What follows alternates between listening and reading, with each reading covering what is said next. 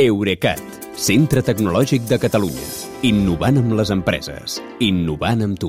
Albert Cuesta, bona nit. Bona nit, Kilian. Dels creadors participo en un teletreball, en una conferència, en una teleconferència amb banyador o des de la platja, però de manera dissimulada. Ara vindrà el participo en una teleconferència des del cotxe des del volant del cotxe, perquè els conductors d'alguns cotxes de la marca Audi podran intervenir en això, en teleconferències de feina, s'entén, mentre són al volant del vehicle, sí? Uh, sí, perquè Cisco, l'empresa de xarxes, i Audi, la marca de gamma alta del grup Volkswagen, han anunciat que a partir de l'any que ve es podrà fer servir amb la pantalla dels models A4, A5, A6, A7, Q5, Q8 e-tron i e-tron GT l'aplicació Webex de Cisco, que és una de les més populars pel treball remot i per el que s'anomena treball híbrid. D'aquesta manera, el cotxe passa a ser una extensió del despatx perquè mentre condueixes pots participar en les teleconferències de la teva empresa.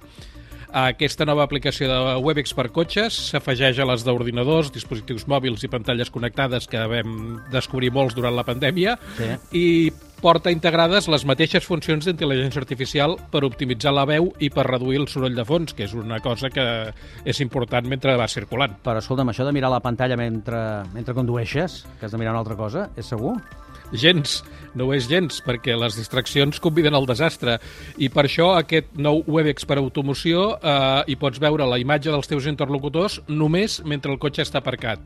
Quan es posa en moviment, eh, l'aplicació passa al mode de només àudio i en aquest cas vindria a ser com una trucada telefònica convencional amb el mans lliures. Ja.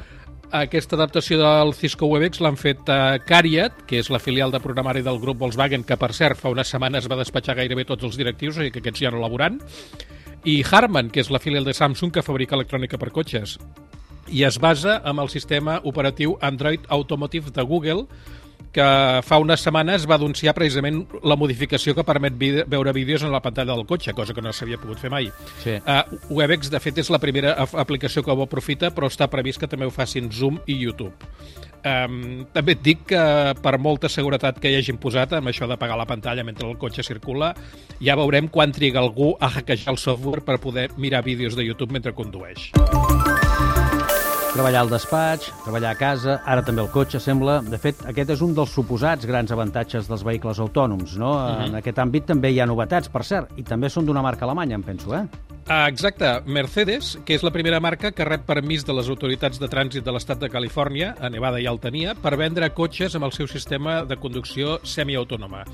Aquest sistema es diu Drive Pilot i ofereix l'anomenat nivell 3 d'autonomia, que és aquell amb què el conductor pot apartar la vista de la carretera i les mans del volant per fer altres coses, com, per exemple, treballar. Uh, el, drive, el Drive Pilot només es pot activar amb llum de dia mentre circules a menys de 70 km per hora i quan no plou. I, a més, el conductor ha d'estar uh, assegut al seient del conductor, vull dir, a punt per recuperar el control, de manera que no podria estirar-se el seient del darrere per fer la migdiada mentre arriba a lloc.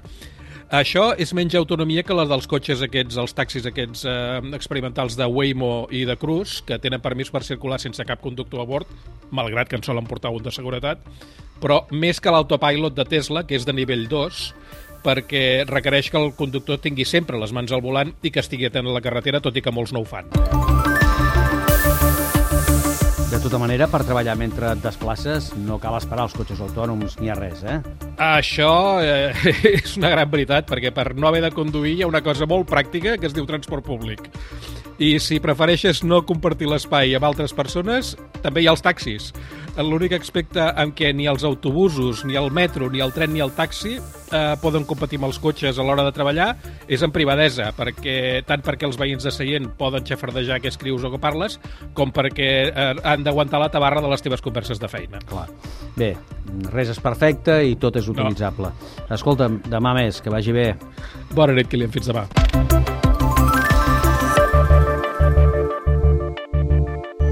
Eurecat, centre tecnològic de Catalunya. Innovant amb les empreses. Innovant amb tu.